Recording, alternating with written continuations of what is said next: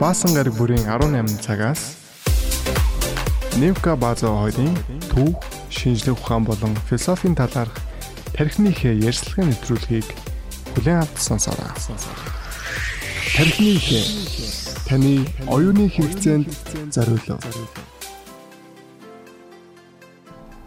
Тэгээ өнөөдөр бол бид хоёр өнөөдөр хийгээ дараагийн дугаараараа юу явах чаа. Өөрсдийнхөө бусдаа хуваалцъя гэж бодож байгаа бус хүн үзээсээ хараасаа гэж хүсэж байгаа. Хувийн одоо зүгээс санал болгох гурван намыг хуваалцах байгаа. Тэгээд нэг нь асууж лавлаад ой нэм юм уу, тийм юм уу гэж асууж лавлаад нөгөөх нь нөгөө намаа танилцуулах.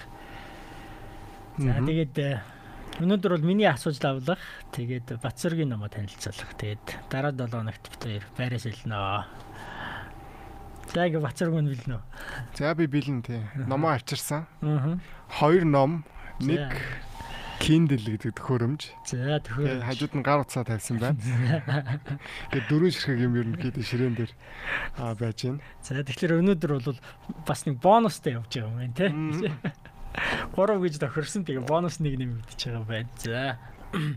Бас нэг ном авчрах гэж хагаад яг үнэхээр авчрыг ярий гэж бодож ирсэн нэг номоо арай гэртээ орхисон байл дарханд. За. Тэгээд дарахын явж амжаагүй учраас тэр номыг бас энд байгаа гэж бодоорой. Тэр номыг байгаа. Харуулж чадахгүй байгаа гэсэн зүгээр ярьчээ гээд. За.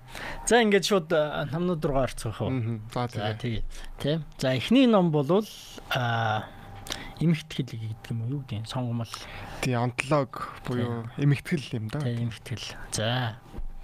За тэгээд намаа танилцуулж тий одоо энэ ч хоёла за лайв бол хүмүүс лайвад андаа. Видео үзэж байгаа юм тий.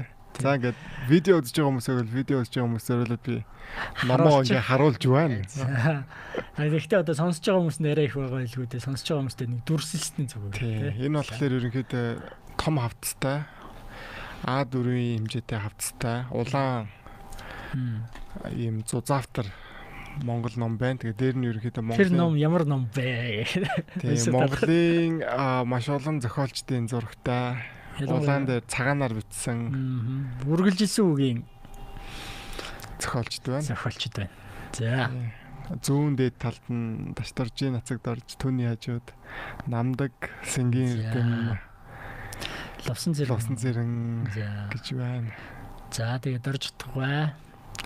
Дармын Батбаяр, Жагдлын Лавга. Яа, шавгаач. Мондог шүү дээ. Тэгээд зохиолж баяр сайхан агсан гэсэн байна. За. За эхний нүүр нь 8 зохиолж байна. Ном сонирхдаг мэддэг хүмүүс болвол тэгээд одоо 2000 оноос хойш номд шимтэж байгаа хүмүүс бол энийг бол найдвартай мэдж байгаа гэж бодож байна. За таавар манд дууссан. Одоо хариугаа хэлье. Ямар ном бэ? За энэ бол Монголын сонгомл өгүүлэг 1920-ад оноос эдүгэ хүртэл аюур зан үлзий төгс нарын сонголтоор За гэсэн нэртэй ном байна. Монголын сонгомл өгүүлэг. За өгүүлгийн цуглал байгаа. Эмгтгэл байна. Монгол зохиолчдын. За энэ намыг сонгосон нь учиртай. За Тэгээд 10 жилд ерөнхийдөө манай уран зохиолын багш их сайн хүн байсан. Тэгээд нэг хэсэг бас бид нар нилээ хэцүү хэцүү явдаж 10 жилд те Монголын нууц тавчоо Монголыг сонгодгоо да. Наагурлал энэ төр те. Жоохон яг тухайн үед сонсоход ойлгоход бас жоохон хэцүү шттэ тийм үгэлгийн явд. Тэмхүү зүйл уншиж байгаад ахлах ангид орсон чинь манай наран цэцэг багш. За дахны тий аль сургуулийн? оц зөвлбөрийн оц зөвлбөрийн Монгол хэл уран зохиолын багш наран цэцэг багш маань. За багш танд баярлалаа өгүүлэг уншиж уншуулж эхэлсэн чинь ерөөхдөө манай ангийнхан тэр чигтээ нэг хэсэгтээ бол Монгол уран зохиол бол маш дуртай болж эхэлсэн. Тэгээ бүгдээрээ гэртээ харьцаагаад аа Батбаяргаан цахилж байгаа хөрөөс 10 жилд орж исэн санаж байна. Нацагд оржийн мэдээж цахилж байгаа хөрөөс бараг л тууж авах. Тийм тууж тийм. За. Тэгээд Сингийн эрднугаа холон бит хоёр холон цамп хоёр гисийгээл ерөнхийдөө яг тийм танилцах хэвээр зүйлсүүд явсан. Тэгээд яг тэр үед болохоор өгүүлэг гэдэг зүйл монгол хэл дээр одоо бичгийн хэл одоо монгол хэл ямар гоо яруу тансаг юм бэ Ялангуяа өгүүлэг их таалагдсан. Ягаад гэвэл зузаан биш. Одоо роман шиг ингээд хөврөөд роман шиг цаг авахгүй, шандаад байхгүй. Ер нь бол нэг сэтгэл шудрал нэг э, ганц хоёр цагийн дотор бол нухчхад бол гайгүй. Тийм тэгэхэд Тийм аим форум. гоё тий. Тэгэд энэ ном энэ номтой болохоор баг сүүлд танилцсан баг 10 жилд баг дуусчаад төгсч. тий За. барьж авч чадаагүй. Чи одоо хэдэн он хэвлэгдсэн бэ? Энэ хэвлэл 2005 он. Энэ бол анхны хэвлэл ах шүү байна тий. Зөв. байна. магадгүй тий 2005 оны 12 сард мөнхийн өсгт хэвлэлсэн гэж байх юм. Аа байна. Аа тийм биш үү. Тийм. 2005. Тэгээ анхных л юм шиг юм байна. тэмдэглээгүй байхыг бодоход анхны хэвлэл нь. Анхны тийм баг. За. Тэгэд ерөнхийдөө энэ номноос бол өөр бусад маш олон гой гой зохиолч 10 жилд яг ороогүй. Жагдлын лагууг зохиолууд бас их цөөхөн байсан. Аа. Дорж гутууга Мгм. талхаагийн норуу Аа. цэнджоо Мгм. баяр сайхан бадам самбуу гэд 10 жилд Их бол- ордоггүй те аюур За, зангой аюур ануудаар ануудаар ануудаар ч угсаа одоо хар залгаараа байхгүй болсон. Тэгээ цөөхөн л юм байсан баг. Тэгээд одоо одоо шинэлэг гэдэг юм уу тэр утгаараа их гаж санаа байсан болохоор зохиолчд мөхөлчтэй хоолой одоо сурах хүчигт орох хэмжээний бол одоо хүлийн зөвшөөрөгдсөн юм бол байхгүй. харин тийм яванда ихтэй орох баха тийм наач юм уус тийм яванда орчих баха цаг хугацаа тийм дамнаад очих байхаа гэж. За. Тэгэд энэ ном э, надтай айгүй олон жил хамт байж. Аа. Тэгэл нэг байс хийгээд ч юм уу одоо нэг өгүүлгийн дахиад эргэл уншдаг. Тэгэл дахиад эргэл уншлаар маш гоё хөвөрөл Мгм. идэг. Эргэл Тэгээ хараагүй анзаараагүй юм. энэ зохиолчийг уншчаал. За энэ зохиолчийн ер нь амьдралтай танилцах юмсан гэл бусад номнуудыг худалдаж авдаг ч юм уу. Одоо чинь далхаагийн далхаагийн норгоо одоо энэ дэр нэг зохиол орсон байгаа. Аа. Гэтэл одоо саяхан бол одоо Үхэл тагтаа хүлээх газар. тагтаа хэвлийн газраас норгоо одоо бүхэл бүтэн Үүлгийн имтгэлийн газар. гурван тууж тий 10 хэдэн богино гүйлгийг одоо имтгэж гаргасан. Аа. Гих Авч амжаагүй мэдчихсэн уншиж амжаагүй л явна. Би бол саяхан унссан бас тий. Тийм үү. Энэ жилийн ихээр бас пүүх. Тэн дотор бол муу өгүүлэг алгаа нэрэ. Тийм үү. Тижээвэр. Тэжээр бол нэр аймаар. Йоо. Супер. За. Одоо чинь энэ бадан самбууга би бол багада энэ үнийг бол телевизийн нэвтрүүлэгчтэй аялын цагийн хөтлөгч гэдгээр нь таньдаг байсан бол одоо энэ номыг уншаад ямар бас явнаа гэж. Милэн дээр үеийн юу шүү. тий Өгүүлэг баг шүү. 90-ад оны их үе хаа. Тийм баг 90-с өмнө баха 80-ад Тийм үү? нөгөө тийм оюутан оюутан баг л ховдод байхдаа битсэн гүү болоо. Гүү За, мэдгүй. гүү нэг Улаанбаатар л гисэн баг. Анхны нөгөө зохиолчдын юунаас хийдэг гаргадаг номнууд дундаас ийм богинохон юм жижиг ном байдаг. 95 Тэрэн дээр гисэн байна. Аа тийм байна. Тэгвэл 95 95. За. Тийм тэгээд энэ номыг бол их олон хүмүүс бүгд мэдж байгаа. Ядаж харж исэн баг тэгээд магадгүй бүтнээр нь тийм бүтнээр нь уншиж чадаагүй явж байгаа бол заавалчгүй бүтнээр нь уншихыг одоо би хатуухан захиж байна. Сонсогчдоо. За. Тэгээд дээрэс нь өөрийн болгоод авчвал тэгээд унш унш бас дахин унш. Зарчмаар явж болно гэдэг өөрийнхөө одоо туршлаас хэлж чинь те. Тэгээд бас номтой нөхөрлөхөд одоо энэ номыг нэгэн сонгосон юм чинь. Аюур зан гэдэг зохиолч бол одоо яг манай 90-ад оныханд бол одоо маш том нөлөө үзүүлсэн За. гэдгийг энд онцолж хэлмээр байна. За 90-ад оныхан гэдэг нь Бацарг өөргөө хэлж байгаа. Тэр 80-ад оныханд одоо нөлөөсөн байдгийм үү? Байдгийн баха. Намайг байдаг хилээд тий. байх шиг байна. Өнөөлөл байх. Мгм. Аюур заны хар номууд гараад гоё байлаа шүү дээ. Ер нь бид нарыг яг оюутан болж байгаа чинь одоо мань хүн эд юмнуудаа гаргаж исэн. Тэгээд нөгөө их зохиолууд тэр үуч бас ховор гэж одоо 2000 оны дөнгөж ихээр 90 оны тэгээ 2000 он гарах чахад тэгээд 2000 он дөнгөж гарч байгаа чинь. Одоо бол ном бол маш их болчлоо шүү дээ. Маш их ч байх. Ер нь бол бас л их их болсон. Тэгээд их зохиолууд философийн утга зохиолын яг гой гой юунууд гой гой орчуулгатай мундаг э, хэвлэл мэвлэлтэн ч ганган гой болсон. Хүртээмжийн ч их болсон. Тэр үе чинь ном олддгүй байл шин. Нэг номын сураг гаргадаг. Тэгээл тэрийг хайгаал идэг, хайгаал идэг. Номын сад очихоор хүн автсан байдаг шүү дээ. Ядаргаатай байсан шүү дээ. Аюур зангой ном бол ерөнхийдөө бас залуучуудыг орчин үеийн утга зохиолтой дэлхийн ялангуяа орчин үеийн утга зохиолтой танилцуулахад бол маш том төлөвлөж болсон. Тийм одоо цар хүрээний үед их олон зүйлсийг хүргэж өгсөн. Дээрээс нь аюур зангад би талархдаг нэг юм юу байхгүй. номыг бизнес болгоод байсан байхгүй. Тэгээд хэвлэлтэн дуусангууд хэвлээ гаргаад ирсэн. Тэгээд алга болчдөг ном. Тэгэхээр байж л үү те. Тэгээ одоо бол яг манай орчуулга азнаад яруу найраг бичгээ болоод тэр ч мэдэн дэхэн болцсон баха тий. Тий 2 жилийн өмнөөс 2 3 саяхнаас. Саяхнаас үлээ саяхнаас. Тий. Тэгээд дан одоо ормон бичгтэй төглөж байгаа юм лээ. Тийм учраас одоо жил болгоно л одоо нэг хормон баг гараад тах шиг байна. Тэр нь ч одоо нэлээ олзуурах ууштай. За. Чи бол би юу гэдгийг сайн мэдэхгүй. Ямар ч байсан подкаст гаргаад байгаа юм байлээ. Тэр нь бас их гоё байгаа. Тэр нь бол нэг хаяа хаяа бас нэг боломжтой үедээ сонсоод байгаа. Аа. За. За тэгээд энэ номоо ярихад бол иймэрхүү байна. Тэгэл одоо зүгээр гарчгуудыг хараад энэ зохиолчдыг Бэмбэрэнчин, Сэнгийн Эрдэнэ гээл. Аа одоо энэ өгүүлбэрүүдийг уншлаа гэхэд надад уншаад таалагдсан бол би Сэнгийн Эрдэнэ бусад зохиолуудад танилцсан. Үүрэг ингээд үе таалга нэгдэж байгаа тийм. Бринлэнд болсон зэрэнгуй Таштаруу. Энэ бол миний айгуу дуртай өгүүлэг. Бууж мордох. Бууж мордох хорвоо гэдэг хүн ер хүн ер хүнээ хайрлаж бие биендээ хүндлэл үзүүлэх тэр сэтгэл гаргана гэж ямар гоё юм бэ гэж бодчихсон шүү дээ. Бужмарт хороо тий. Хүмүүстэй нэг мөн мөн мөн мөн тий. Андуурсан байх үү. Нутгийн нэг гоё ага. Ааха. Аа тий. Нас ичсэн бодлоод тэр хүнд хүндэл үзүүлж байгаа хүндэл тэр сэтгэлийг үзүүлдэг тий. Үнэхээр сайхан. Хамгийн гол нь манай ингээд тэр жижигхэн одоо юм хийж байгаа мөрөл тэрийг хинт ч хэлэхгүй ингээд дотроо дотроо өөртөө хадгалаад явж байгаа. Гой үйлдэлийг чинь хүн өөрөө өөрийнхөө тэ тэр одоо ёс зүй хүндлэл тэ дотоод сэтгэлээс олж хийх хэрэгтэй. Тэрс бусдад харуулах гэж байна штэ.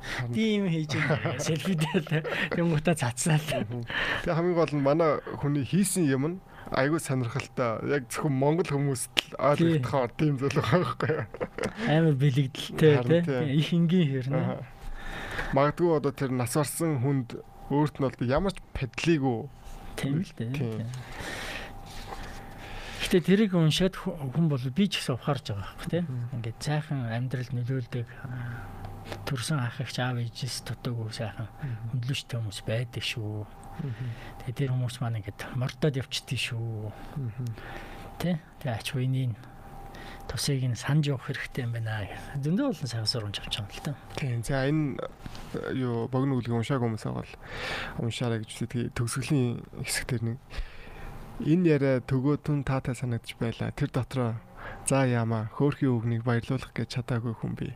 Үлдэж байгаа улсыг нь багч болов баярлуулсан бол болох нь тэр хүн өөртөө мэдхгүйгээс биш бие биендээ хичнээн хөртөө байх юм битээ Үгний замд хонь мал байлгая гэж бодсон маань онох нь онж. Хин намайг тийм хичээснийг мэдвэл гэж мэдээч яах юм блэ? Бас мэдүүлээч яах блэ гэж бодсон.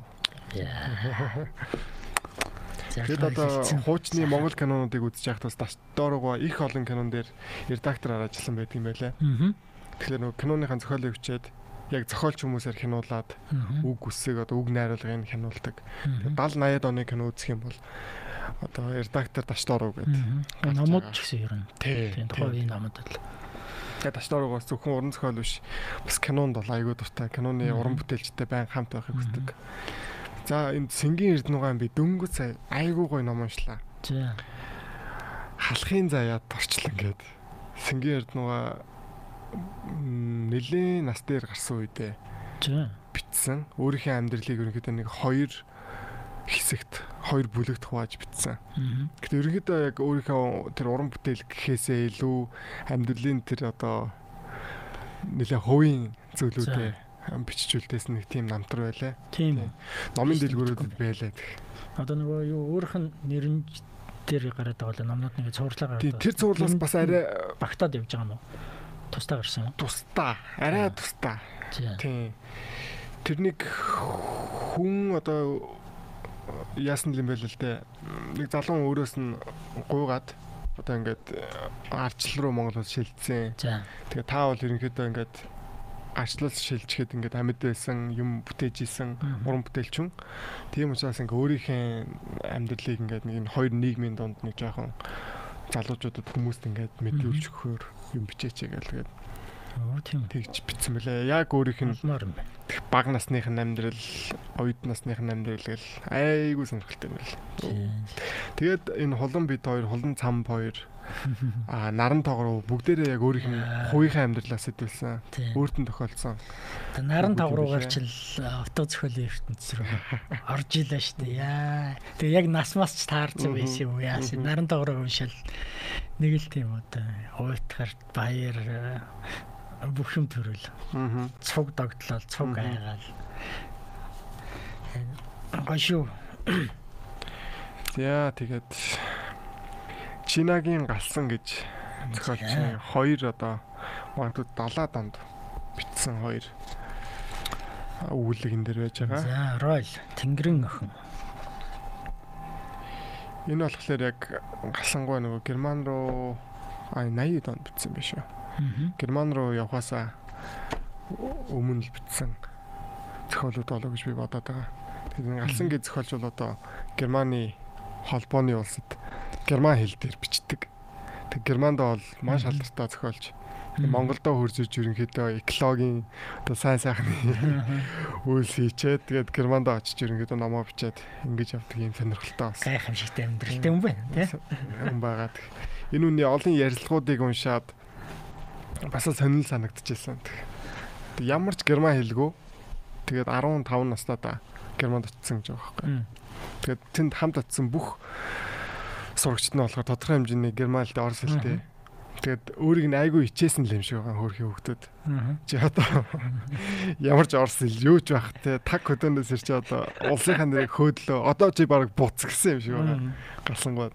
Тэгээ галсангуу бүр ингээд шоконд ороод. Одоо нэрэл би ингээд пактлаханд яад юм бэлээгээ бажсэн чинь нэг одоо настай ажилтан монгол хүн элчин сайдын ажилтан юм жижиг ном өгсөн гинэ.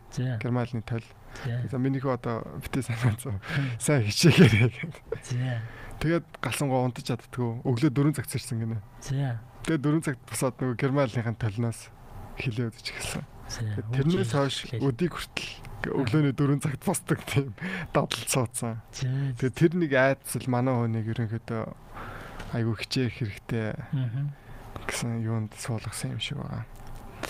Тэгээ галсангуй ч өөрөө туваа хүн гэдэг таг нь урайхаа туваа хүн. Мгм. Тэгээд ууг нь бол а, одоо Цэдэнбал даргын хажууд бас байсан. Тэр нөгөө герман руу явахад нь бүх юм яриа мараг нь герман дээр орчуулж өгдөг. Тийм. үү. Тэгээд Цэдэнбал дарга болохоор Цэдэнбалгай бол одоо юу гэдэг чинь тийм иймэрхүү игэл сэхэтнүүдэд айгүй тийм талтай ханддаг. Бас л гоё л хүн байсан юм байлаа. Тэгээд галсангугаас асуусан л юм байлаа. Ингээд чи одоо ямар сонир ямар лаг хүн бэ ч гэсэн юм уу те. Тэгээд асуусан чинь нөгөө галсангуй би туваа хүн гээд Тэгээ тэгсэн чи зэдэн болгоо гээгүй чи туваа хүн бичээ өрөөхөө хүн гээд Мм. тэгээ манай гээгүй би туваа хүн гээд тэгээд нөгөө дарга нарт таалагдахгүй болоод тэгэл тэрнээс хойш ерөөсөө нийгмийн хувьд ч гэсэн өөрийнх нь одоо нийгмийн карьер тийм карьер бол бас нэлээд лунсан юм байлаа хөрхий өөрөө ч айгүйх тэгж ярьдаг юм байлаа Тийм. үү. тийм сүүлийн ярилцлагууд дээр тэг надад айгүй сонирхолтой санагдсан. Би бол гасангаг үндэ уншиж байгаагүй. Ууч, тийм үү энэ хоёр өгүүлгийн тавьсан уу Үгүй уншааг. Би ганц Айгуу зөв ганц ч уншдаг. уншааг. тийм үү Тийм. Би бол энэ хоёроос нэг хитрээгүй дээ. Тэгээд Тэгээд тууж мууж байд юм билээ. Тэгээ би ерөөсөө уншиж үзег. Надаа галсангуайн дөрөв бичгийн хэв маяг нь бол ерөнхийдөө норгуутай юм айгу төстэй санагддаг. Тийм үү. Тий. Гэтэ за илүү дутууч гэж хэлэх нь хаашаа мэдээж өөрөөр яг тухайн үеийнхаа нийгмийн нэг тийм жоохон муухай муухай дөрүүдийг гэх юм нэг жоохон тийм хар бараан сэтгэл зүйн шинжтэй тиймэрхүү өнгө аястай санагддаг. Мм. За, Тэгээд герман хэл дээр бичсэн юм нь бол өстой бүүм. Герман хэлгүй учраас. Тэгээд багасаа герман хэд үзсэн. Тэгсээр нэ монгол хэлтэйгээ үлдсэн. Тийм л юм байна л та тий. За, дөрөв ном байгаа учраас одоо юу яасан вэ? тийм. Шилжилт хийсэн дээр тий. тийм. За, эхний ном маань бол олон хүнтэй, олон хүмүүсийн тухай ярих ялцчих хэрэгцээтэй. Монголын сонгомол Тийм. өгүүлэг. За, Монголын сонгомол өгүүлэг. За энэ дээр нэг эргээ- эргээгээд юм хэлэхэд сүүлийн үед одоо ном олдож байгаагийн хэрээр одоо номны сайн юм уу те гэдэг асуудлууд маш их хөндөгдөж байгаа. Тэгээ дээрэс нь одоо 10 жилийн хүүхдүүд сонсч ивэл те магадгүй танаа сургуульд уран зохиолын хичээл ордгоо тийм сургууль байж магадгүй. Тий. Зүгээр гоё уран зохиолын ямар ном унших вэ? Эсвэл одоо ном уншихаа болцсон те залуучууд ч юм уу амьдралд нохлогдож яваа бизнесийн төлөө явж байгаа. Тийм хүмүүс байх юм бол юуны төрөнд хамгийн амархнаар нь бол энэ Монголын цамгал өгүүлэг гэдэг номыг олоод авчихыг зөвлөж гин. Тэгээд нэг 7 хоногт нэг нэг өгүүлэг эсвэл өдөрт нэг нэг өгүүлэг уншихад бол Монголын утга зохиол, Монгол зохиолчдын ерөнхий нэг шинж төрх бол бууж ирэх баха гэж найдаж байна. За. За сайхан ном хуваалцлаа. Баярлаа. За дараагийн ном маань бол миний бүр мэдэхгүй байна. За номоо танилцуулъя. За. Ямар ном блэ? За хийж байгаа хүмүүстэй бас харуулж маруулаад лайв хийж байгаа хүмүүсээ харж чадахгүй байгаа хүмүүс хэмжээний хувьд бол яг саяны намтай хэмжээгээр адилхан. Зузааны хувьд бол арай нэмгэвтэр. За. Тэгэд ийм саарл хавцтай, хатуу хавцтай ном байна. Нэгэн гоё царайлаг ахын зурагтай. Тий. 55-ыг харьцах нь 25 сүүдэр шиний хүүхдүүд гомб жовын жигжид сүрэн гэдэг нэртэй. За жигжид сүрэн бай. Ном байна. Монголын кино ертөнцийн тухай. Тий, ерөнхийдөө. Зөв. Зөв зөв зөв тий. Нэг юм сүүлийн үед би жоохон нас ч байгаа юм уу. 90 оныхны нас яваад байна гэж шүү. 90 оны ихэр дөрсөн одоо залуучууд бол одоо ингээд нэг жоохон эргцүүлэхтэй цаг хугацаа. Нас яваад ч байгаа юм болов одоо Монгол соёл урлаг, Монгол хэл, уран зохиол гэж бас их аюу боддог болчих. Тэгээд ер нь Монгол кино, Монгол кино гэж юу байсан? Монгол кино дээр үед ямар байсан? Яаж оршин тогтнож ийсэн? гэдэг зүйл миний хувьд бас айгүй сонирхолтой болчих л тээ. Би болохоор нэг тийм сайн дурын байгууллагт төрөмс байгууллагад байхгүй алтан хайлс гэдэг. За. Бид хэд болохоор кино гаргадаг юм. За. Тэг кино гаргана, гадаадаас кино орчуулна. За. Аа Монголдоо бас кино наадам зохион байгуулна. Тэгэл одоо тим ажил хийгээд явхаар ч бас нөгөө авдраа уудлна гэдэг шиг те. Ер нь ингээд гадаад киног үзлээ. Монгол кино чинь ямар байсан юм бол юу байсан бол гэсэн бодол бол эргэлддэг юм байлаа. Тэгээд чадлаараа бол ингээд Монгол кинотой холбоотой ном зохиол судлаад үзэж байхад бол Мерсер бол Монгол кинонд ажиллаж исэн ажилчдын найруулагчдын нэг тийм богино дуртгал тэмдэглэлүүд тиймэрхүү номнууд бол олдож байгаа. Тэгээд зарим нэг зүгээр Монгол киног тайлбарлсан тольж байдаг юм уу те. Тийм тэгээ бичсэн номнууд бол харагдаад байгаа. Гэтэл яг одоо гадаадын тэр мундаг мундаг номнууд шиг кинога шүүмжилсэн, тайлбарлсан. Чанарын магадгүй одоо харьцуулсан. Тэгээ яг тэр дотор нь ажиллаж исэн үний нэг тийм часгээс нэг жоохон тийм шудраг ном надад айгу дутагддаг байсан. Дотор талаас нэг ингээд дуу хоолой илэрхийлж тэ бид нар ч одоо хөндлөнгөөс нь л хараад байгаа. Яг зөв, яг зөв. Дотроо юу байдаг юм бол энийг сонирхолж болох. Ядаглаад чинь ингээл хичнээн Монгол кино, Монгол кино гэлээхэд яг тухайн үеийн 50 60 70 оны жүжигчдийн нэрийг бол би одоо чинь мэддэг байхгүй. Дүрээр нь л тийм энэ их сайхан жүжигч хин ч вүлээ тий. За нэг ардын жүжигч нь л бах те гэж л бодоод байдаг. Тэгэл энэ их гоё кино шүү гэж яриад байдаг. Яг үндэ энэ кино хин найруулаад тавьчих. Тийм. Энэ киноны зохиолыг хэн биччихв. Гээл тэнгүү таг болчдөг. Хөгжмийн зохиолыг хэн бичив. Зургийн дарга нь хэн бичив тий. Зураглаач гэдэг киноны зураглаач гэдэг бол гайхамшигтай юм байхгүй юу тий. Би ч одоо кинонд бол өстой ястай мэдлэг муутай баг. Тэгтээ бол кино үзэхэд юмыг хаанаас нь харуулад байна ээ. Тэ? Юуг харуулад юуг харуулахгүй байх вэ гэдэг бол тэр кино зураглаач бол үнэхээр мундаг хүн байт юм байна. За эргээгээд ном руугаа ороход бол энэ ном надаа яаж тус хүргэсэн бэ гэхээр Монгол кино гэдэг зүйлийг сайнтай муутай Монголын одоо кино урлаг үүснээс хойш хамгийн чухал гэж байгаа кинонуудыг. Тэгээд жигжид сүрэн найруулагч өөрийнхөө одоо мэдих өнцгөөс одоо дотор нь явж исэн үднээс бичсэн байгаа гэсэн. Тэгэхээр одоо Норжмагийн замаас ахуулаад одоо бүр хааны сүлжээ хатан одоо 2000 оны кино. Тэр болтол одоо хамгийн гайгүй кинонуудыг шигшээд энэ киноны зохиол ямар байсан энэ киног ажиллаж байхад хин хин яаж ажилласан тэрнгийн бүгднийг бичсэн байгаа. Тэгээд одоо жижиг зураг 55-ыг харьцан 25 гэдэг нь одоо тэр өөрөх нь 25 өөрөө кино хийсэн. За. 55 кино нь болохоор Монголын киноны одоо өөрийнх нь авч үзэж үзэж энэ байгаа. номондоо танилцуулж шүүмжилж байгаа киноны тоо юу? Тий. За. Би одоо яг хамгийн ихний нь уншихад одоо жижигсрунгаа ингэж хэлж байгаа юм. Бид олон жил бие биенээ элдв хоосоо үгээр билууртал нь магтаж ирлээ. Магтаа сонсох дургүй хүн хэн байх? Аа. Тийм магтаал хүний сэтгэлийг сэргээж урам зориг өгдөг. Тиймээс үгээр хүнийг тэнхрүүлж амьдруулсан түүх олонтоо Аа. гэж гэж яагаад Энэ хүү номонд бичигдсэн зарим нэг киноны талаарх дүгнэлттэй санал нийлэхгүй зүйл байвал өршөөн болгож тунгаан саярах үзье. Миний гаргасан дүгнэлтийн ард гашуун үнэний баримт бүү гэдэгт та итгэж болно. Танд үннийг хэлсний төлөө надад бүү гомдоо химэн айлдсан Сократийн өчлөөр номын удирдлагаа төгсгөё гэдэг. За. Ерөөдөө жижигсрунгаа Зөвхөн магтахгүй л гэдгийг хэлээд байгаа шүү тий. Гэт а, бас дээрэс нь Монгол киноны одоо үүсэл гэж зүйл байгаа шүү дээ. Үш наа чи ямар сайн нийтв вэ? Энэ одоо кино сурчлагын Хуучин постэр уу? постерууд нь шүү. Мм. Энийг өстө мэдэхгүй юм шиг. Гардаг байсан байна хөө яа. Зэрэг нэмпи юм нь хүргэн хүү яа. Энэ Нар дээр яг нөгөө яг жил постэр гэхээсээ л юу л да. Зарлалын нөгөө том самбар байхгүй юу? Наа чи Аа. нөгөө цаасан дээр баг бил хэвлэгдээг баг баг. юм биш үү тий. Тийм билбордууд.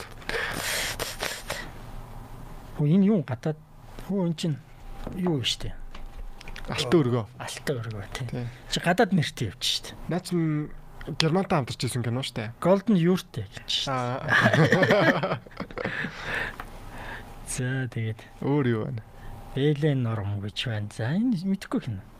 Бүлээн. Оо, Юу? Бүлээн нурам. Би сая юу гэж юу? Нурам гэж.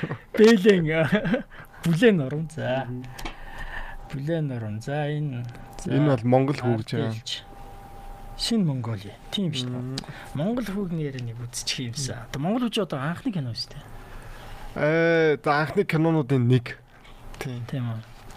За Монгол хүүч ингэж Оросоор юу гин тавьчихсан байт юм тий.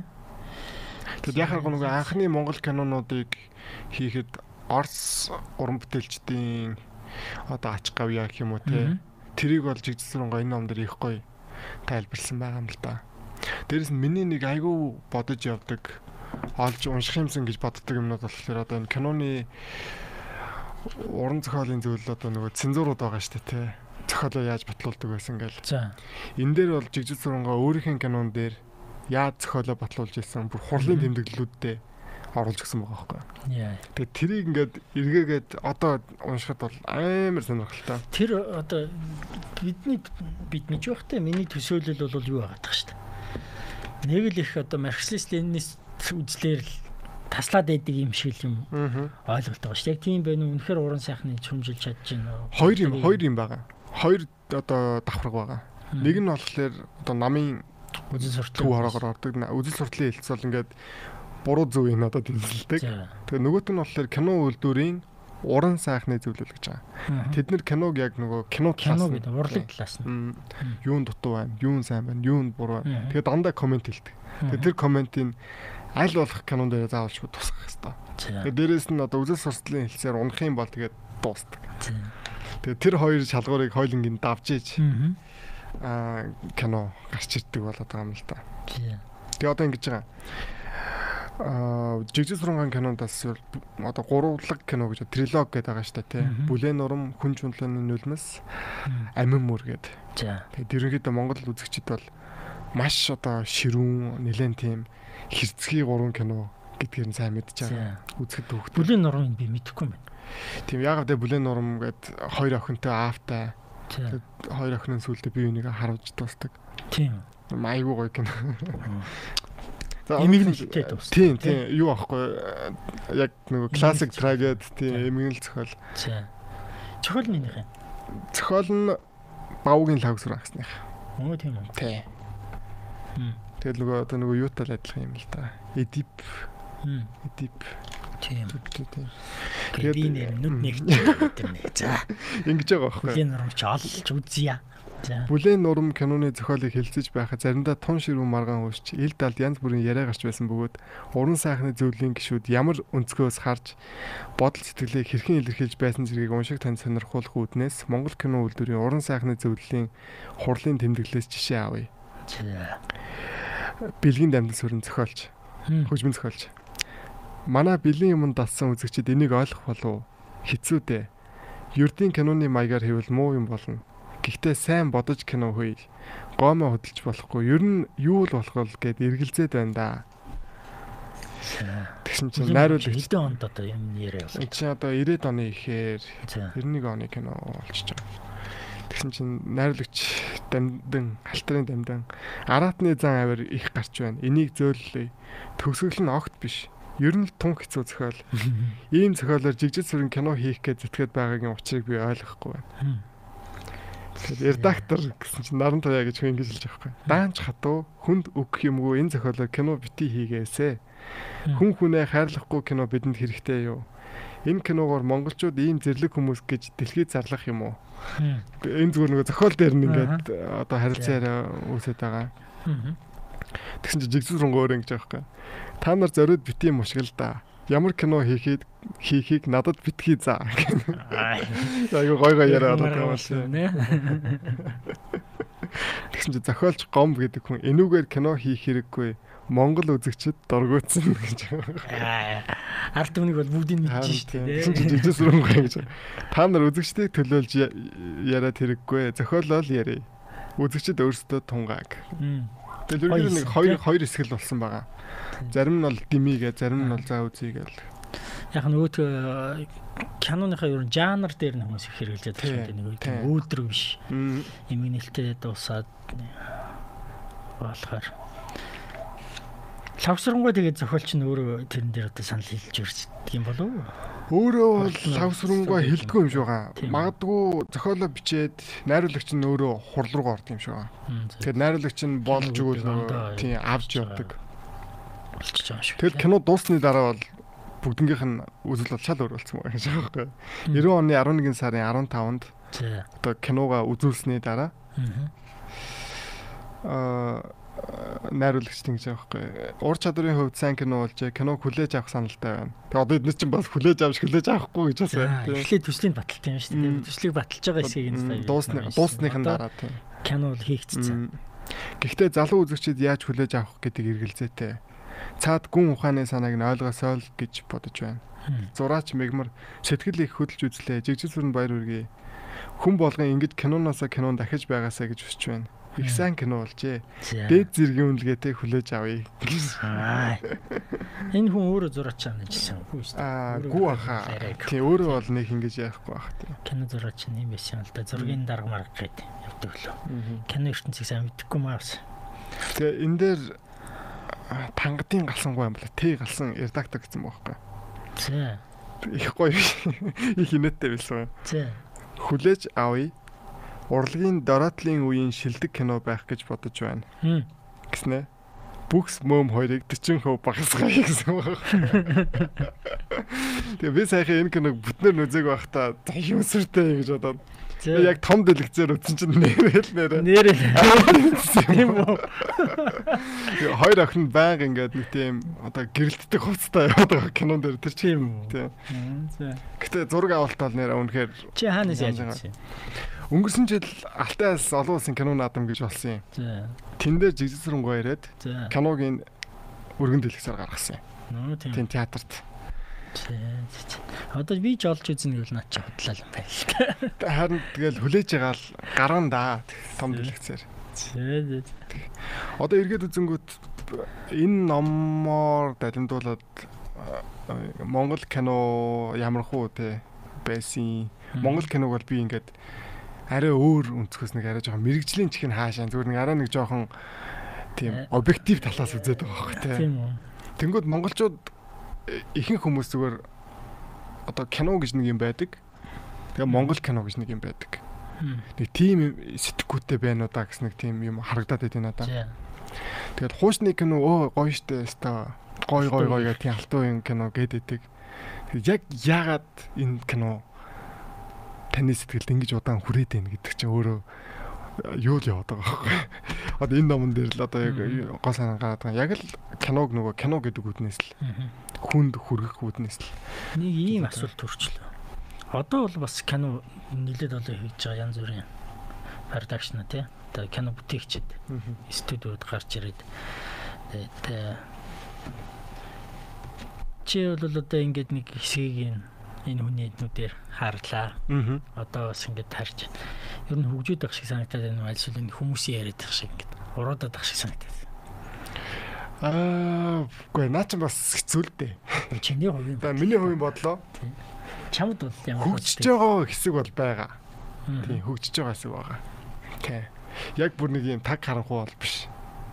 Тийм гэхдээ бол угаасаа ихэнх хийгдэж байгаа баг нийт гарч байгаа киноны 90% нь баг авах юмгүй кинонууд байгаа нь бол амар үнэн. Тийм үү? Факт тийм. Ч бас их бага үздэг болохоор сайн мэдэхгүй байна. Гэтэ надад бол яг ингээд найдлага тавьж байгаа ч гэдэг юм уу те. Энэ хүнээс одоо лайк кино гарна гэсэн бодож байгаа найруулагчид бол хэдэд байгаа. Монгол бол тийм. Одоо жишээ юм бол Бимба гэдэг найруулагч байгаа. Сахагийн Бимба. Аа бас ерөнхийдөө дунд үеийн л кино 90 онд 90 оны дундаас Москва төгссөн. Тэгээд ер нь гадаадын маш олон э, наадмуудаас шигнэл авч ирсэн. Одоо Бимба найруулагчийн хоёр дахь бие даасан бүрийн хэмжээний кино энэ жил олон улсад нээлттэй. Ирэх жил Монгол улсад нээлттэй. Тэр киноных нь зохиолыг хавар зам бичсэн. Хэвтрийн хүн зохиол дээр аа кино хийж байгаа юм байна. Хэвтрүүн чи юу вэ? Жижигхэн өгвөл. Тий. Гээд ингээд ярих юм бол ингээд мерсер э, сайн сайн юм өөрийнхөө хэмжээнд юм хийж байгаа. Тэгсэн мөртөө олон нийт маст бол тий тэнгис өргөөгөр гардаггүй. Ийм хүмүүс бол мэдээж байгаа. Тэгэл жил ирэх тусам одоо тэр хүмүүсийн уран бүтээл тэр хүмүүс одоо юу гэдэг чинь цар үрэн бол нэмэгдэж байна л да. Хараад байхад тэр нь бол сайн хэрэг. Аа дээрэс нь одоо заавалчгүй үзэгчд маань ч гэсэн юу гэдэг чинь зөвхөн Монгол киногоо үздэг ингээд юмтай хольж сольжтэй жишиж тийм жиших баримжаа нь байгаа болохоор бас аа нээлттэй болов гэж бодож штэ. Одоо гол одоо арга хэмжээ нь бол мэдээж одоо мөнгө тэгээ кино бизнес гэдэг утгаар хийдэг. Тэгэл аль болох комеди хийвэл нэг жоохон балансаа зүйлдэг учраас тэгэл за комедиг явахаас гэл тэгэл.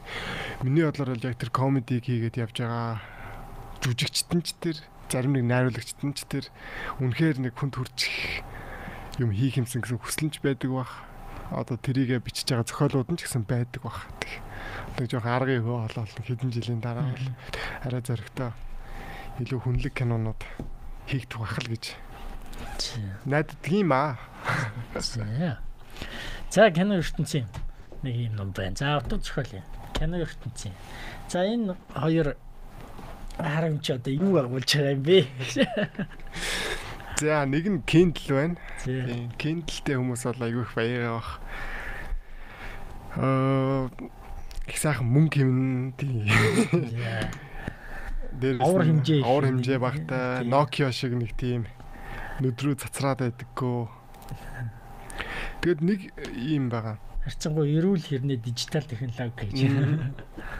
За одоо дэлхийн нийтийн сонгодог зохиолууд байгаа шүү дээ тий. Аа. Одоо Шекспир ч байд юм уу? Одоо тэр 700 800 оны тэдний бүгднгийн эхлэл дээр нь уншиг бол бүгд үнэгүй болцсон. Тийм. Kindle дээрээс унших хамаагүй амар. Тийм. Тэрийг зүгээр сайхан интернетээс Kindle-ийн форматанд татаал. Аа. Тэгээ суулгаад. Аа. Үнэгүй уншиж. Үнэгүй уншиг гэх юм бол ном шиг л их юм байхгүй яг хүсээд хайвал. Аа. Ялангуяа классикууд. Тийм. Тэгээ public domain гэдэг үлээ тий. Тийм, public domain гэсэн зохиолод л заа. Kindle-ийн нэг давуу тал нь болохоор ингээд олон ном нэг дор авч явж болно. Аа. Дээрээс нь олон ном зэрэг уншиж болно. Тэгээ би ч одоо айхтар ч одоо нэг тэгж одоо тултлаа уншаад байдаггүй ч гэсэн ингээл нэг 2 3 ном ихлүүлчихээл.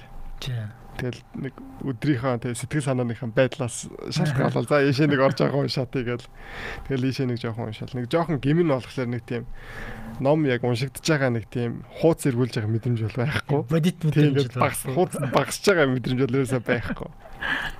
Гэтэ тэгэл за за одоо энэ номыг бас олдохгүйгээс хойш олдохгүйгаас хойш одоо онлайнаар уншаа тэглээч нэг тийм надад бол нэг тэг айхтар ялгаа нь бол гараад идэггүй шүү дээ. Kindle басны давуу тал байгаа. Тэр нь харанхуйд уншиж бол. Бусдад саад болохгүй. Тий. Тий. Гэтэ энэ Kindle бол болохгүй. Гэтэ миний арай хуучин. Чиний арай болохгүй. Гэрэл тасгаж ээж л юм шүү дээ. Тийм үү. Энэ бол яг цаашл юм байна л да. Тэгэд энэ дээрээ болохоор би баахан англи романууд хийсэн. Тэг ихлүүлж чадаагүй л явчих. Тэр нь утга зохиолын ном. Тэгээд гүн хааны ном. Тий. Аль алин шилжүүлж чадаагүй л явж байна тий. Уншиж байгаа юмнууд нь дандаа нэг тийм амар хэлбэр бестселлер тий. Одоо Nike гүйсгэн байгуулсан нөхөр одоо Shoe Dog гэдэг ном байна. Shoe Dog-ыг уншсан. Тий. Бас хөөрхөн ном байлаа тий. Тэгээд энэ Trevor Noah гээд нэг Африкийн хошин шогч нөхөр байгаа. Noah-гийн Born Cry аа тийм тийм тийм. Энэ харин стоо гоё ном байлаа шүү. Наа залууч өөр гоё цаа. Харин тий. Тий. Яа. Stand up тий. Stand up comedy тий. Уншиж байхад бол өстой Монголын амьдрал бол нүдэнд л харагдчихжээ. Тийм. Манай баг Монгол үстэй. Монгол юм биш үстэй. Үгүй одоо тэр CD зардаг байсан гэж байгаа байхгүй юу?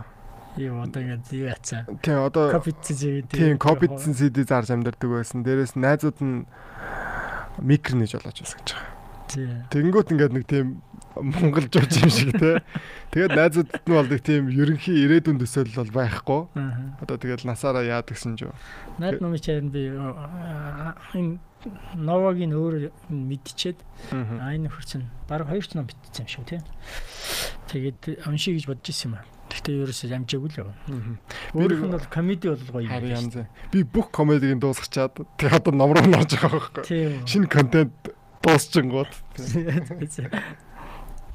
Ногийн ээж бол айгүй Кристиан нөхөр байсан байлаа. Бүр аа хитрхи Кристиан нөхөр.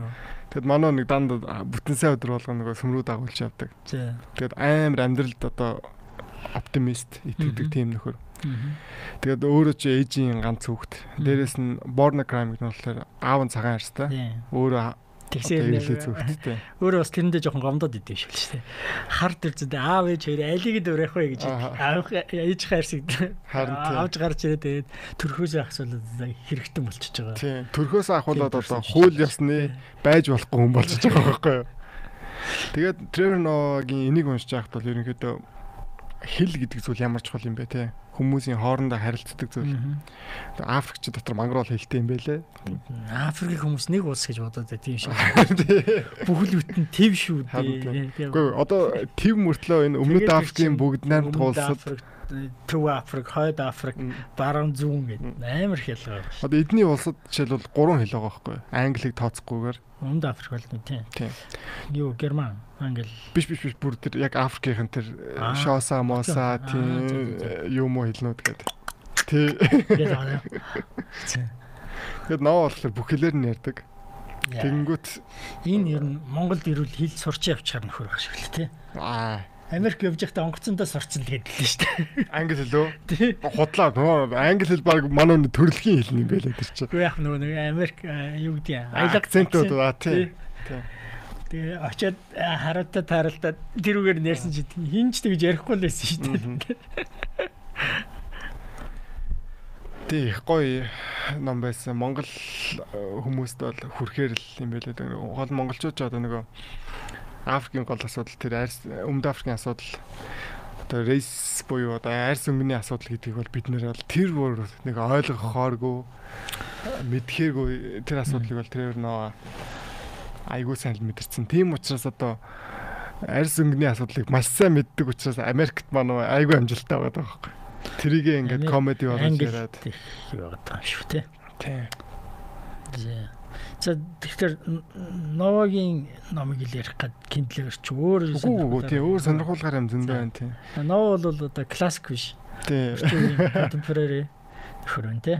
За тэгээ мөлийн одоо классик одоо. Дандаа энэ уншиж чадаагүй номнууд ингээ харагдаад бас жоохон сэтгэл өвдөд байлаа тий. За за за. А чи чи бас Вьетнамын нөхөр мөхрийг бас тавьцаа. Уншиж чадаагүй тий. За. Энэ heroin хин гэдүүлээ тэг над хан хах гэдэг хан тэг над хан Тэгээ энэ одоо нэг Вьетнамын бяцлагал хийдэг одоо лам багш маань. Тэгээ Blooming of Lotus гэдэг би сүүлийн үед бас тэр нэг жоохон бясалгал бясалгал mindfulness гэдэг юмар зүгээр сонирхоод байгаа. Тэгээд уншиж үзгээд тэгээ явуулж чадаагүй байгаа. Америк классик явж байна. Энэ болохоор Wales гэдэг зохиолчийн одоо Invisible Man гэдэг нэртэй ормон байна. Wales бол нөө юуны юу? Цаг хугацааны машиныг бичсэн. Шийдэх ухааны зөвгнөл зохиолол бичдэг. Жохон Jules Verne маягийн нөхөрлөө. Би бас уншиж чадаагүй. За, Moby Dick аль. Moby Dick-ийг жохон ихлүүлсэн. Тийм. Лаг ном байлээ. Тийм.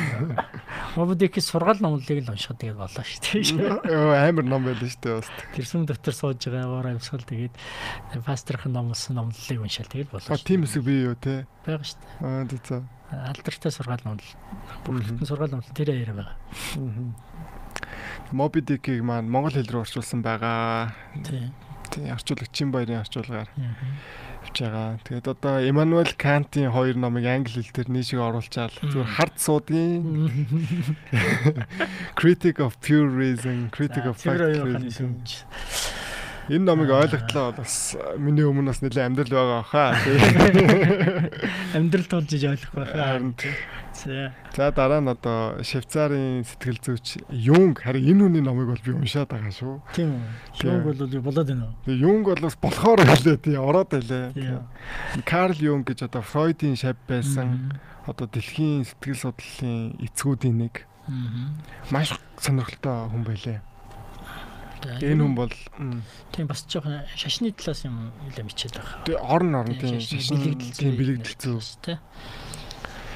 Тэгээ Юнгийн уншсан гол шалтгаан нь юу вэ гэхээр эргээ кино руугаа орчих гээд байна. За. Яадаг вэ гэхээр мундаг мундаг кинонууд хүний зүн сонгоор найруулагчийн зүн сонгоор хийгдсэн тохиолдол айгүй их байдаг. Тэгээд одоо найруулагчид Скриптед байгаагүй. Аа скрипт нь одоо тэгж эхэлсэн гэх юм уу да тий. Тийм. Тийм Тарковский тэр одоо Филини нэтрийг зохиолч найруулагчид болохоор айгүй тийм өөрийгөө чагнадаг, зүүдээ чагнадаг тиймэрхүү бас Юм болохоор тиймэрхүү сэдвэр судалсан. Аа, Ярддаг жоо бичсэн. Тэгээ Юнг Фройд хоёрын нөлөө бол угаасаа дэлхийн кино урлагт бол амар гэж ярьд. Би тэрийг дандаа гайхдаг байсан. Юу гэсэн үг ингээд. Тэгээ одоо яар ингээд уншаад үзсэн чинь нэрээ л одоо Юнгийн өөрийн уншаараа. тий найруулагчид бол нэрээ энийг уншиж ижил ингээд өөрийгөө ойлгох, тэг хүнийг ойлгох, амьдралыг бас ойлгох юмнууд бол гарч ирэх юм байлаа. Гэтэ зүгээр э, миний хувийн бодол. Юнг, Фройд эднэрийг бүр ингээд догматик хүлээж аваад байгаа шиг санагдаад. Бас тий. Тий. Үнэн гэдэг ингээд бодит ингээд established одоо бүр хүлэн зөвшөөрсөн үнэн юм шиг. Энэ найрчид үн чи зүгээр л саналаа л хэлж байгаа. Тий. Тэгээд нөхөр ялангуяа Фройд бол эрүүл хүн судлаагүй шүү дээ. Тий. Тий. Дандаа дандаа оюуны нэг хэцүү хэцүү нөхцөл байдалд орсон хүмүүсийг Аха. тийм хүмүүсээс хийсэн дүгнэлтийг одоо тэгээд эрүүл хүн дээр эрүүл хүний нийгэм дээр болох ёстой юм шиг тулгаж ойлгоод байх шиг санагдаад байна. Ер нь миний ойлгосноор Юнгийг уншсанаар Фройд болохоор мэдээж бол айгүй олон юмыг нээсэн, ихлүүлсэн. Тэгэд Юнг өөрөө Фройдын шав байжгаад манай хоёроо салсан юм байна л да. Тийм Яг үдэл бодол нийлээгөө. Тэгээ Юнг бол Фройдыг бодол харцсангуу одоо эрүүл гэхүү те амьдралдаа илүү ойрхон Аха. гэхүү тийм санагдсан. Тэгээд манай хоёрын өөр өөрсдийнх нь зүүдийг тайлдаг байсан ч байгаа байхгүй юу. Бүр тийм дотн одоо багшаа юм байна л та. Тэгээд Тэгээд- хамаг нууцаа хэлсэн хүмүүс чинь би юунаас салахгүй бол болохгүй л байна. Харин гоо гоо тэгээ Фройд хэлэхгүй байсан гэж байгаа байхгүй юу. Фройд ерөөсө зүүдээ ярьж өгдөг. Тэгээд Юнг гайхаад хоёлоо бол ингээд шинжлэх ухаан хийж штэ тэ ямар ч хувийн харилцаа байхгүй хоёлоо ингээд судалгаа гэдэг. Тэгээ Фройд болохоор бас нэлээд тийм өөрийнх нь одоо хувийн юм руу ороод явсан юм л. Юнг болохоор бүх юмыг бол нэлээд тийм одоо аналитик талаас нь авч үзсэн. Таны яриагаар болохоор одоо Юнгийг нөгөө академиуд аягүй их байгаа. Одоо Юнгаар одоо мөнгө хийдэгтэй, Юнгийн ном ярьж юм уу те Юнгийг тайлбарлаж одоо мэдээж одоо нэг том одоо сэтгэгч нэг том философч байхад бол тэрийг одоо хідэн талаас нь мэрэх бол тэгээ тий мэрэх мүлжих хүмүүс бол гарч ирэх нь тодорхой шүү дээ. За. За тэгээд энэ одоо юм Карл байна. гэдэг ч одоо англи зохиолч уу те. Тийм. Наа чи өвлөгрийн зохиолч үстэй. Ой бас л амар юу гинэ. Философи руу ордог гинэ. Льюис Карлийн Сайн мэдэхгүй юм байна. Тэгтээ ямар ч байсан. Alice Wonderland-ыг бичсэн. Аа тийм. Тэрүүгээр нь төсөөлөл үлгэрийн зохиолч юм шиг байна. Тий, эргээгээд бодонгуудад Юнгийг уншингууд үлгэр гэдэг чинь зүгээр нэг үлгэр биш болчихж байгаа байхгүй тийм. Үлгэр бол маш их юм. Үлгэр дотор магадгүй бид нэ өөрсдөө амьдраад өвчиж бас магадгүй гэж яриад байгаа байхгүй тийм. Хүний За за. Болно болно хүндээ гэж бодож олно. За. За тэгээд уншаагүй номнуудаа л яриад байгаа шүү дээ тийм. За энэ дараагийн хуудас руу нэг Winners Take It All гэдэг би бас сүүлийн үед нэг юм дайгүй санаа зовоод байгаа. Тэр болохоор нийгэм улс төрийн тогтолцоо гэдэг зүйлийг. Аа яа. Аргагүй ирээд өнөрний нас яваад байгаа. Тийм ээ. Тэгэд одоо капиталист нийгэмд амьдарч байгаа улам илүү мэдрээд тэгээ тэр талаар ч гэсэн айгүй гой гой хүмүүс ярьдаг болчиж тайлбарладаг болчиж. Тийм. Жишээ Аа одоо нэг Ананд гэдэг нэг энтгэг гаралтай Америк Аа тийм тийм тийм. Наад нөхөрчүүл Нобель мөн аваад. Аагүй. Ааж магадгүй. Аагүй баха арайч. Ямарс ном нь бол нийлэн явж байгаа.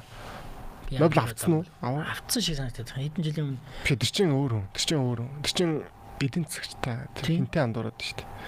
Амартая сайн Аа тэгвэл аа надад юм байна.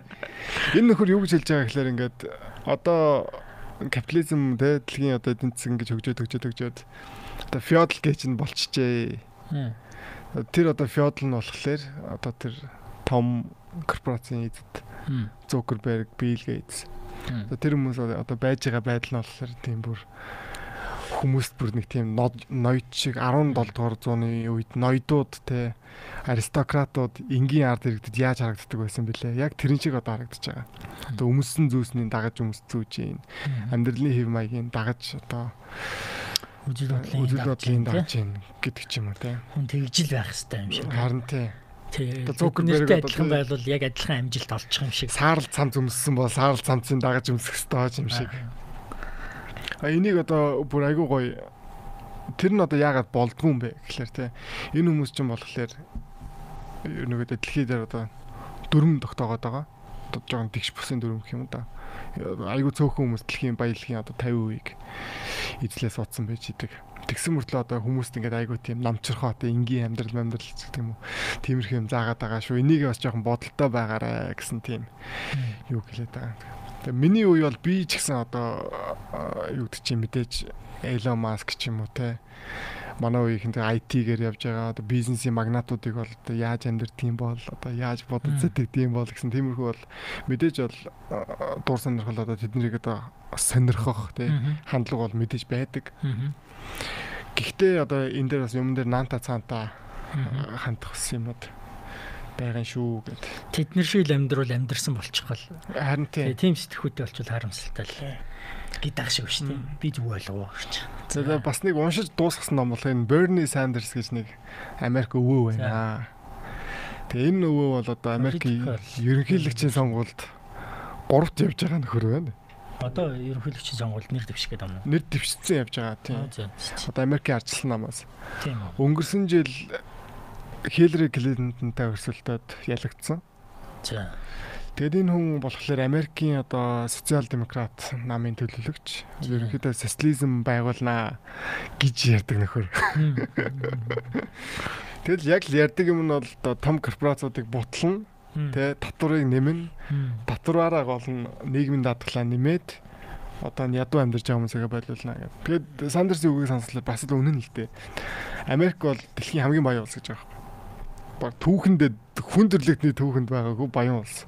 Статистикээр юм. Гэтэл энэ улсын ард иргэд яагаад одоо өлüm зэлмэ амьдарч байна вэ? Энэ улсын маш олон хүмүүс дөнгөж амжиргаагаа авахтай Макдоналдсд ажиллаад нэг цагийн 9 доллартай амьдарч байгаа. Тэгээ тэр хүмүүс нь 50% нь ерөөдөө за би буруу хэлж магадгүй ихэнх хувь нь эрүүл мэндийн даатгалгүй. Тэгээд дэлхийн хөгжимгүй 20 улстай одоо major economy гэж ярьдаг шүү дээ. Хөгжимгүй улсуудтай харьцуулахад Америк ганцаараа боловсрал нь үнэтэй.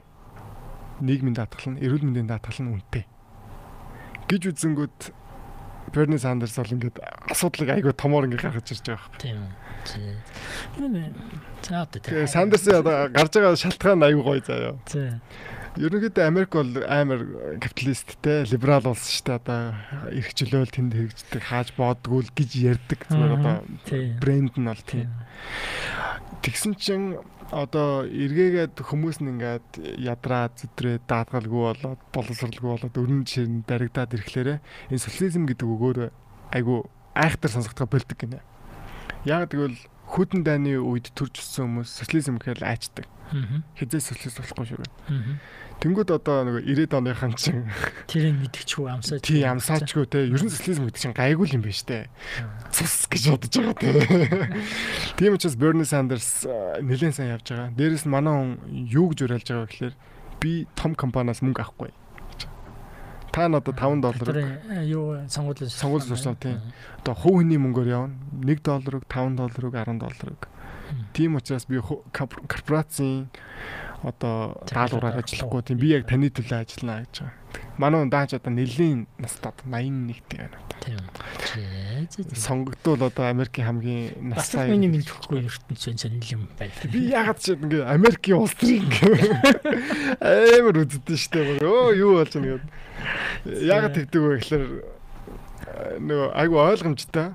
Одоо Америкийн улс төр чинь нөгөө яг гоё ярьж байгаа байхгүй те ийм асуудал байна. Ийм асуудал ингэж юм. мэдгүй надад бол Английн парламентын мэтгэлч нь л э, хамгийн зугаатай мундагуд тэнд байдаг юм шиг харагдсан шүү дээ. Америк мэдхгүй. Би ч одоо улс төр бас их нэг сонирхдаг бол мэдхгүй байна. За. За. Утсан дээр чи юу байна? За тэгээ. Ингээд нэг иймэрхүү номнууд байна. Дандаа уншдаггүй. Тэгээ уншдаг хэдүүд нь дандаа нэг юм амар хэлбэр тийм номнууд л болж таарах шиг байна. Аа. А Kindle-ийн нэг ашиг тус нь бол ерөнхийдөө нэлээд бат бөх. Аа Kindle авахар сонирхож байгаа хүмүүсийг бол баг комсас гэх юм уу те хоёр second hand Kindle бол нэг 5000 төгрөгөөр ч юм уу 100 дотор бол олж байх гэж бодож байна. Дээрэс нь цэнэгээ нэг сар барина. Тэгээд та англи хэлээ сайжруулъя ч юм уу. Над чиг одоо классик ном хийчээ зүгээр хардсаа гэж бодож байгаа юм. Kindle бол танд одоо маш тохиолдсон. Англиас англи руу дикшнер байгаа шүү дээ. Харин амар хэл сурж байгаа хүмүүст бол үнэхээр хэлний баялгаа үгийн сангаа сайжруулахад бол яалч гоё л доо. Бэлэн. Тийм ба. Тэгээ бас нэг үе үе ном уншдаг төхөөрөмж бол миний одоо захаас авсан iPhone 6s гэдэг утас байна. Энэ утсыг бол нэг 250 мянган төгрөгөөр авч ирсэн. iPhone бол гайхалтай. Аа за за бас тийм. Дөнгөж сая тий корпорацийн эсрэг дөнгөж сая корпорацийн эсрэг гэж явж ирсэн. iPhone юу гайхалтай вэ гэхээр заавалчгүй та одоо сая төгрөгөөр iPhone авч байгаа хэрэг одоо ночиг гараад те захаас ч үгүй юм уу одоо Monteless зүгээр нэг 200-аас 300 мянган төгрөгийн хооронд мөнгөө цуглуулж чад нэг iPhone авчихад энэ бас жоохон дефекттэй л дээ. Би iPhone дээр юу хийдэг гэж хөгжмөө сонсож байгаа. iPod ч. Дээрс нь сайхан подкаст сонсож байгаа. Дээрс нь Монгол Крил үсгээр найзад руугаа мессеж бичиж байгаа. Өмнө би Nokia дээр чаддгаарсан байхгүй. Крил үсгээр бичих чи аягүй гоё штэ.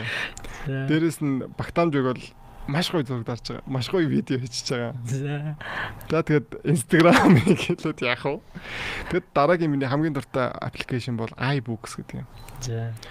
Тэгээд өмнө хоёлоо ярьж ирсэн нөгөө Gotham одоо үнгүү номнууд Gothenburg Project гэж байгаа. Нэлээд том том дэлхийн том хэмжээний үнгүү ном цэцдэг одоо сайтууд байж байгаа. IBooks болохоор нөхдүүд бас жоохон лобби хийсэн юм шиг байгаа. Яг тэр прожектын номнуудыг iPhone-ы iBook төр бүгднийг ямар ч төлбөргөө татаж авч унших боломжтой тоххой. Тэгээ одоо ингээ харах юм бол Орсын класс, ер нь дэлхийн классик уран зохиол философи утсан дээр эргүүлэхэд бас гоё л. Их кайфтай тий. Одоо энэ дээр бол өнгөт нөгөө аюу Kindle-ийг бодвол нүдэн жоохон хэцүү. Тэгэхдээ тохиргоо хийж болно шүү дээ. Тий. Гэтэл бас гэлбад байт юм аа надад л. Тийм. За гих мэдчлэн ерөнхийдөө за ёстой сонирхолтой юм бол тий iPhone-оор та iBooks рүүгээ ороод тий. За наадгаад жоох ирчих. Тэгээд жаргах удаа. За эндээс гоё ном ярья. Sorry. За саяны утсан дээрээс гаргаж ирсэн ном бол Art of War. Tzu гэж хэцүү хэцүү хэцүү. Нөхрийн ном гаргаж байна. Манад ч наач орчуулагдсан шүү дээ. Тийм бах уу. Тийм. За миний мэдхээр хоёр чорчулга явж байгаа хаа гэж бодож байна. Дайд гэт. Энийг сүүлийн бизнесийн нөхцөл аягүй уншаад байна. Тийм чи аюу Бизнесийн бизнестэй хоёр чи ялгаагүй. Бизнестэй улс төр гурав чи ялгаагүй юм шиг. Хин амжилт одоо тий хин ялагч болох вэ гэдгийг л хайж байгаа учраас. Тэгэн дээр бол тэгэл цэргийн тактик дээрэс нь ер нь бол хувийн бэлтгэлийг л аягүй сайн ярьдаг юм байлээ. Тийм надад бол хамгийн шокинг байсан нь Art of War дээр тагнуул сөрөг тагнуул тагнуулыг худалдах худалдаж авах Аа тийм их гарах уу те. аа янз янз амар. Ер нь бол тагнуулда улс жанжин тэр өдөрдөг чинь итгэдэг юм байлээ ш. Тагнуулаа чи хөөрхий тэгэл бүх юмар нь хайртай юмар нь барьцаалал Аа. тэгэл ашиглаж байгаа. За за. За тэгээд iBooks-ээсээ би Benjamin Franklin-гийн. Дурдтгал гэдэг нэртэй ном гаргаж ирлээ. Memories of Benjamin Franklin. За. За тэгэд энэ хүний номоор яриагаа өндөрлөе. Тэгэд яагаад ихэнх нь бас мэдчихлээ байгаах. Тэгээд Франклин бол ядуу айлын хөхөд зүгээр нэг э, ном хэвлдэг, тэ ном хийдэг хүний хөхөд. Тэгээд багада өөрөө бас жоохон э, үнэхээр л дурлж иж ном уншдаг байсан. Тийм нөхөр. Тэгээд Франклингийн номон дээр тэмдэглэснээр амьдралд нь хамгийн гол нөлөөлсөн юм зүйл бол ном уншиж сурах. Тэгэд өөрийгөө бичгээр илэрхийлж сурах. Энэ хоёрыг баг наснаас эзэмшээд тэгэл тэр нь бол өөрийнх нь амьдралтай салшгүй холбогдсон. Өөрийнх нь бусад бүх амжилттай Мгм. холбогдолтой гэж байгаа юм. Тэрийг би уншичаад нэрээ би одоо хичнээн баг юм уншичаад ийм их унших юм байх чинь аа их юм одоо их боломж байна да тий. Тэгээ бичиж сурах хэрэгтэй. Бичиж сурах гэдэг нь одоо Монголын цамгал өгүүлэг гэдэг. Монгол хэлээ нэгдүгürt гарамгүй маш сайн л өөрийгөө илэрхийлэх. Тэгээд дараа нь бол тэгээд гадаад хэл бол мэдээж сурах гэсэн зүйлийг би э, хатуу ойлгоод Монгол хүн бол монгол хэлээрээ л өөрийгөө илэрхийлэх. Учраас монгол хэлээ сайн сураа. Тэгээд монгол хэл гэл одоо хоёлоо дахиад нэг 2 цаг ярьсан ч болно дөө. Тэр тусахгүй хаа. Тэгээд юу Франклин тэгтээ бол ядуугаараа төгсөг. Харин хамгийн амарнд юу ядуу цаашаа тийм. Америкийн хамгийн баян нас юм шүү. Тийм баг л тийм. Баян баянда манай хүн ингээд зүгээр ч нэг баяжаагүй ингээд өөрийнх нь бүх потенциалыг ингээд тийм хүн одоо юу хийж болох вэ? Тэр болгоныг хийсэн баг. Физик рүү орсон байгаа. Зохион Физик бүтээл. баа. Тэгэл Ямар санд бол тэгээд 100 доллар дээр царай нь гараад ирэхтэй. Айгүй олон хүмүүс ерөнхийлөгч байсан гэж боддог. Тэгээд манай хүн бол ерөнхийлөгчөөс ч илүү баг тухайн үед тийм нэр үндтэй Мгм. нөлөөтэй хүн байсан. Болоо да. За. За иймэрдүү номнуудыг одоо өөрийн юу ховс хүмүүс санал болгож Аа. бас өөр чинь одоо нөлөөлсөн юм юм тий. Юу хүү Тий. ном өстой хуваалцмаар хүмүүс сонирхосоо гэж хүсэж байгаа Мгм. Чи тэгтээ бас юу ачлаа намайг бас болчихлаа л да. Гурван ном гэж Харин тохиолж гурван ном одоо. гэсэн мангар юм байна. Би яг мэдчихсэн баг. Би бүр ингээд нэг номын ард нэг 5 ном авчулчт юм билүү гэх тээ гэж бодож байсан тээ. Тэг яриага би нэг айгүй сонирхолтой юмар өндөрлчихье гэж бодсон. Багада миний хамгийн унсан ном болохоор нэг швед зохиол өгдөг хүүхдийн зохиол. Астрид Линдгер ингээд зохиолч юм. Эмил хүүгийн тэмдэглэлгээд. За. Тэр нь болохоор нэг дүрсгүй хүүхдийн талаар тууж байхгүй. Тэрийг би баг 100 удаа унсан баг. Тийм үү. Тэгээд тэрнээс ерөнхийдөө өөр баг нэг сайн багада уншижсэн ном бол нэг санахгүй байгаа. За.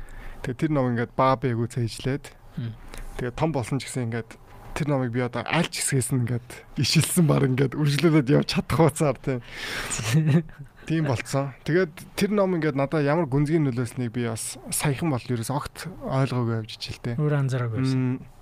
Тэгээд 5 жилийн өмнө юу би Швед рүү явах нэг завшаан гардгийн ажиллаар. Чи үлээ шивэд их лөө. Швед ном баггүй. Тэгээд Швед рүү одоо хүний эрхийн LGBT эрхийн цуглаанд уулзалтанд явхаар болоод би өөрөөс асуудаг. За би чи одоо Шведийн талаар юу мэдэх лээ гэв. Байдгүй.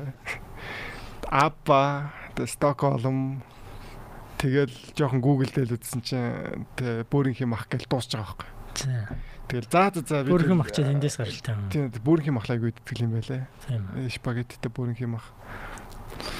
Тэр чинь бүрхэн махтай л чи гэдэг л хойцоо авт шүү дээ. Тэгээ биш шүлгүү.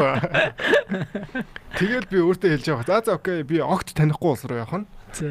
Тэгээд сайхан танилцаад ирээ да гэдэг. Онгоцоор ниссэн, буусан, онгоцны буудлын дээр очиод хамгийн түрүүнд мэдгдсэн юм юу гэж. Үлгэр. Үлгэр нөгөө ном. Астрид Линдгрийн тэр зохиолын бүх дөрүүд тэнд байж байгаа байхгүй. Тэр би хараад вау гэл яг л миний багтаа орчихсан үлгэрийн одоо тэ- тэр зүггүй хүүхэд тэр аав, ээж, охин, ах, эгч тэр царай төрх те Хм. одоо ярьж байгаа ярианы хэм маяг идж байгаа хоол байгаль орчин Мгм. Тэгэл би бүр амар гайхс ном гэдэг бол нэрэ аяллаас бол баг хамаагүй таньдаг газар ирсэн юм. тийм. би тэгэл хүн болгонтой бол өө би өстой багасаа имейлийг үнэлсэн те гэл тэгэхэд хүн бол өө тийм үү гэл бүх юм мэдж хамгийн амар нь. Удамжин та та имейлийг үнсэн үг гэхэд панк надтай гэж зөвхөн яриа загш чадхаар байгаа хүмүүс. Тэгэл би аяг ойлгосон. Одоо ингээл аялли аялли л гэдэг. Хамгийн хямд бөгөөд хамгийн бодтой дуусан шүү аялалаад эцсийн бүлэгт ном болж таарах юм болов тий. Тэгэл би бол амар бишэрсэн. Вау тий багтаа ашгүй нэг ганц үлгэрийн ном уншсан чи одоо тэр нь одоо харийн нутагт хэрэг болох гэж байна. За. За сайн юм байна. Сонирхолтой юм байна. За.